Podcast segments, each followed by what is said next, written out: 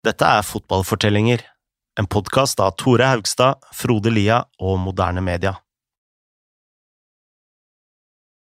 Når Barcelona går løs på en ny sesong i 2003, skal det være starten på Johan Laportas revolusjon. Men det går ikke lang tid før problemene tårner seg opp. På banen er laget et rot, på tribunen synger fansen mot Laporta, og i styrerommet er det full borgerkrig.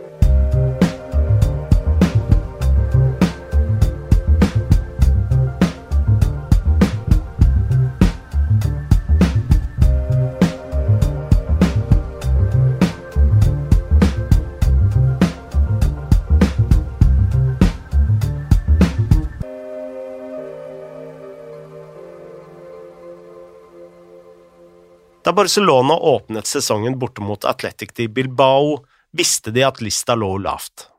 Det var nesten umulig å gjøre det dårligere enn sjetteplassen under Johan Gaspart, men med Ronaldinho og Rafa Marquez i boks, og med alle løftene som ble gjort under valgkampen, stilte fansen likevel store forventninger til dette Barcelona-laget. Barca skulle ikke bare klare topp fire, aller helst skulle de slåss om tittelen, og vinne.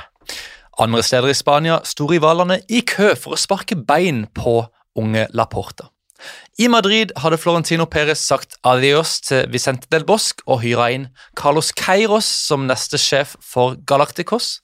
I Valencia tok Rafa Benitez fatt på sin andre sesong, mens i La Coruña planla trollmannen Javier Irureta en ny sjokktittel. Barcelona hadde likevel gode navn å stille med her. Uh, elveren mot Atletic var som følger Victor Valdez, venstreback van Bronckhorst, i midten Pyol og Cocu, på høyre Reitziger, i midten Savi, Gerard Lopez og Luis Henrique, og på topp Cuaresma, Saviola og Ronaldinho. Barcelona vant 1-0 etter mål fra Cocu, men da de skulle spille sin andre ligakamp hjemme mot Sevilla, så fikk de et enormt problem. Oppgjøret var ment å gå på en tirsdag, noe som eh, betydde at Barcelona ville savne et hav av sine landslagsspillere. Dette var eh, på grunn av Fifas regler om når spillere må være tilgjengelige for sine landslag. Så Soriano og direktørene låste seg inn i tenkeboksen, og der ble det til jeg hadde klekka ut en skikkelig god plan. Akkurat som Egon Olsen. Til slutt fant de ut at de kunne flytte kampen til onsdag og likevel spille den på tirsdag. Da avsparket ble tatt, var det teknisk sett onsdag, fem minutter over midnatt. Vi vet jo at La Liga ofte arrangerer kamper ganske seint, iallfall seinere enn det vi er vant med andre steder i Europa. Men altså, det å begynne over etter midnatt det var jo drøyt selv for spanjolene. Og det var kanskje ikke så mange som spiste måltider hjemme så seint, så Barcelonas direktører de sørga for å fòre fansen som dukka opp. De ga ut 25 000 poser med Doritos, med salsa så klart. De delte ut 40 000 porsjoner med gazpacho, altså denne berømte kalde tomatsuppa fra Sevilla og Andalusia sør i Spania. De forsørga fansen med 30 000 yoghurter, 100 000 KitKat-sjokolader og så klart chorizo-pølse med brød. Mens fansen satt på Camp Nou og slurpa i seg suppe, benytta Ronaldinho sjansen til å presentere seg. Han mottok et utkast fra Valdez på egen banehalvdel, dansa seg forbi en motspiller, sendte en ny spiller opp i pølsebua og fyrte av en suser fra 30 meter som dundra inn via tverra. Venga Ronaldinho, se marcha Ronaldinho, continúa Ronaldinho, Ronaldinho.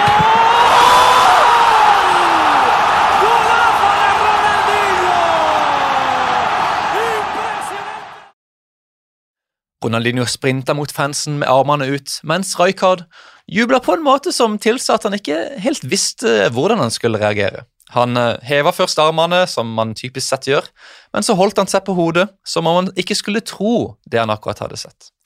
Sevilla utligna senere og stjal med seg ett poeng, men allerede nå hadde Barcelona fått en ny stjerne, og Soriano var veldig fornøyd med hvordan kampen og avsparket hadde fungert. Men ikke alle var enig i det. Sevilla rista på hodet over tidspunktet og var ikke imponert over noe av det de hadde sett. President José Maria del Nido sa at eh, det hadde vært opp til dem, hadde de ikke servert gazpacho og chirizo, men heller serranoskinke og reker. Sevillas trener Joaquin Caparos sa at gazpacho kunne skape magetrøbbel om man spiste det for seint, og la til at hele opplegget var rent klovneri. Men det siste ordet tilhørte pressen i Madrid, som kalte det, og jeg siterer her, fotballen i fylletiden. Og hva med maten? Den kalte de et suppekjøkken fra den tredje verden. Men Barcelonas direktører brydde seg ingenting om hva pressen i Madrid mente. Barca fulgte opp med å slå Albacete, og mens poengene rulla inn, så rigga Soriano seg til på kontoret med sine powerpoints og Excel-ark. Og her var jo den store utfordringa. Altså, Barcelona var et av de største lagene i verden. De hadde mindre inntekt enn Newcastle. Hvordan skulle de øke inntektene? Og Egentlig så burde kanskje Soriano funnet disse svarene sjøl, men han visste om en annen klubb i England som hadde funnet alle svarene foran. Soriano var besatt av Manchester United. I 95- og 96-sesongen hadde han sett at United og Barcelona hadde tjent ca. 60 millioner euro hver. Nå, åtte år senere, tjente Barca 123 millioner, mens United håva inn hele 251 millioner, altså dobbelt så mye. I et møte tegna Soriano opp to kurver på et ark og sa at Barcelona-mål var å kopiere United fra A til Å. Utover det prøvde Soriano å skvise så mange pesetas ut av klubben som overhodet mulig. Han installerte nye seter på eh, Camp Nou og fikk på plass nye VIP-bokser som skulle være dyre. Han sørga for at turistbussen i byen stoppa ved stadion, og han ga turister en rekke muligheter til å legge igjen penger når de ikke var på kamp, f.eks. via et museum eller å bare besøke stadion generelt. Og vips, om kort tid så hadde inntektene for Kamp nå firedobla seg. Neste steg var å kutte ned utgiftene. Soriano satte opp et eksternt team som skulle besøke alle avdelingene i klubben og spørre om kostnadene virkelig var nødvendig. Og det sier seg kanskje selv at uh, dette teamet ikke vant noe populær konkurranse. Det ble sagt at de måtte gå ned korridorene med hjelm på hodet og en kniv mellom tennene. De var som Rambo, skrev Soriano. Heller ikke spillerne slapp unna disse kostnadskuttene.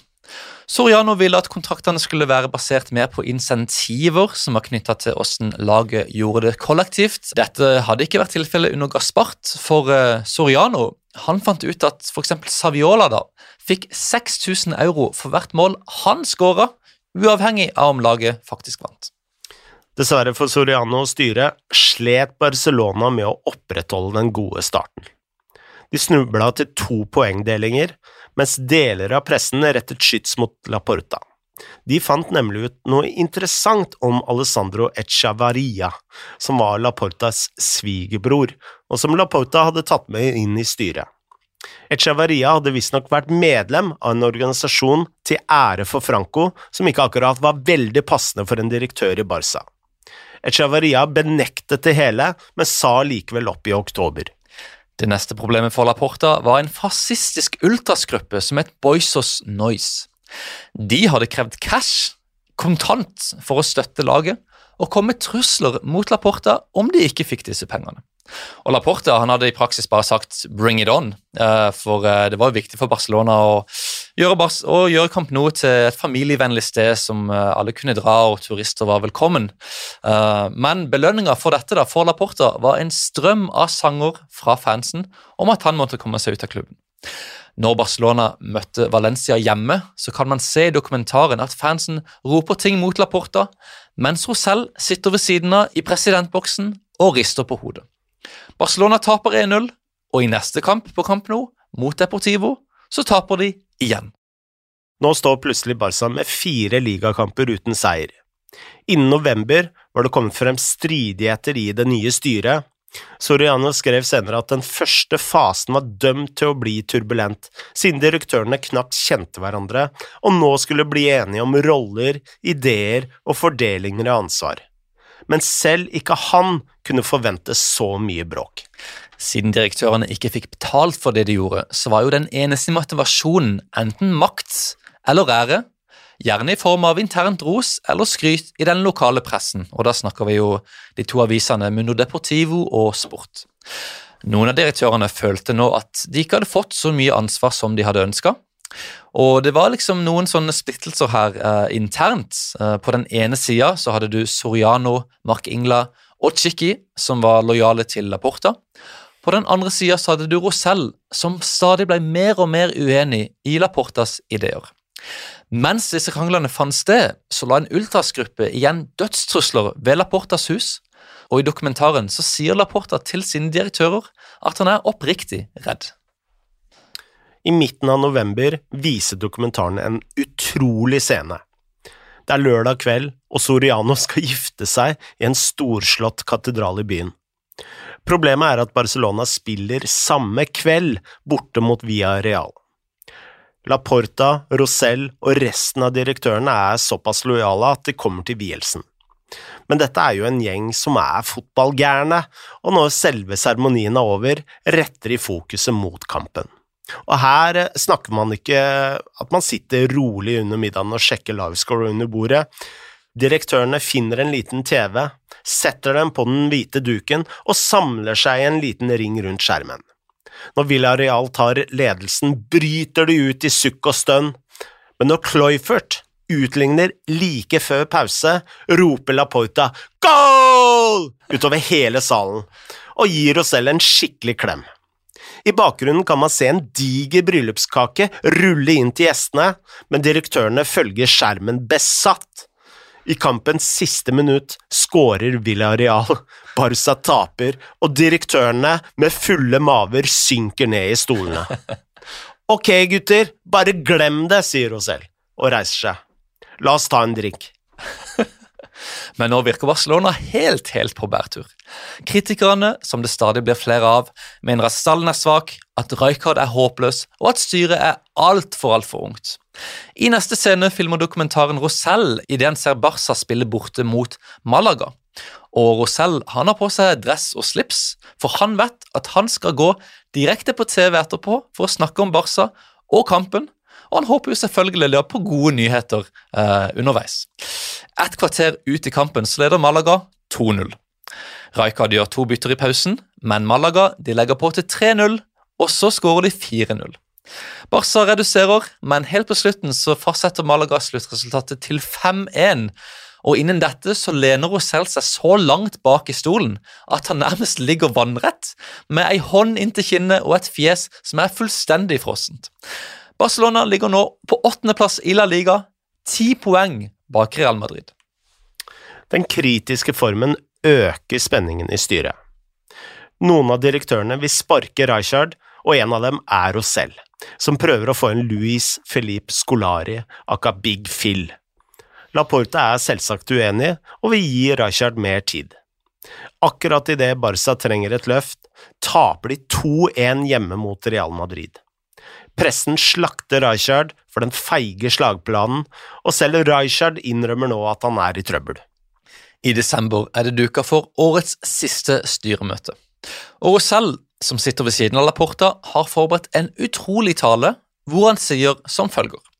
Historisk sett har fotballklubber vært drevet av presidenter, og om vi er ærlige, så har de nærmest drevet diktaturer. Hvorfor det? Fordi det fungerer. Jeg har følelsen av at vi oppfører oss som snille skolegutter, og at rivalene våre rundlurer oss. Om du analyserer de siste syv-åtte kampene rent sportslig, så har de tatt ti poeng fra oss. Husk at hvert poeng er verdt mye penger. Jeg tror at det er ugler i mosen her. De angriper oss her, i selve byen, både det gamle regimet og politikerne her og i Madrid. Vi er fullstendig alene. Rosell mener altså at direktørene må beskytte seg bedre mot de skjulte kreftene som prøver å velte styret. Når en annen direktør spør om flere detaljer, sier Rosell at hele bildet Barca har bygd opp, er for snilt. Han føler at når motstanderne kommer til kamp nå, tror de hele klubben er en stor vits. Like før vinterpausen slår Barcelona Español borte og spiller uavgjort hjemme mot Celta Vigo. Idet de tar vinterferie, er Rijkaard fortsatt trener, men når de fortsetter sesongen i januar borte mot Racing Santander, så taper de 3-0. Innen dette var ikke bare Rijkaard i fare. Soriano visste at den positive syklusen sto i fare for å bli ødelagt uten Champions League. De trengte nye spillere, så direktørene flyr til Torino for å forhandle med Juventus om Edgar Davids, som da var 30 år. Snart får de ham på lån ut sesongen. Og med Davids så blir Barca et helt annet lag. De slår Sevilla borte, og det starter en rekke med ni strake seire i La Liga. Plutselig er denne håpløse gjengen ja, et av de beste lagene i Spania. Utenfor banen så fortsetter problemene for Laporta, som nesten regelrett blir banka opp av en gruppe ultras, og snart skriver pressen om en konspirasjonsteori hvor deler av det gamle styret til Gaspart oppfordrer voldelige fans til å skremme Laporta ut av klubben. Men Laporta står i det, og så bra spiller nå laget at han ikke bare håper på Champions League. I et nytt styremøte forteller han direktørene at han har begynt å telle hvor mange kamper Real Madrid og Deportivo må tape for at Barcelona skal bli seriemestere. Snart ser det ut som Barca kan faktisk klare det. De slår Real Sociedad med et Ronaldinho-frispark i siste minutt. Så drar de til Santiago Bernabeu, hvor Ronaldinho chipper igjennom Xavi, som skårer vinnermålet. Barca er nå kun fem poeng unna tabelltoppen. Men innen dette feirer ikke Laporta og Rosell seirene sammen lenger. De er rett og slett totalt uenige om hvem som skal bestemme over signeringene, og hvem de skal hente. Barca kommer til slutt på andreplass, og eh, selv om det representerer et utrolig comeback over sesongen som helhet, så er Laporta ganske skuffa. Men det mest alvorlige er fortsatt den interne borgerkrigen. Fortsatt er Rosell uenig med Laporta om nesten alt. Idet direktørene tar sommerferie, representerer de et styre som fortsatt ikke kan bli enig med seg selv.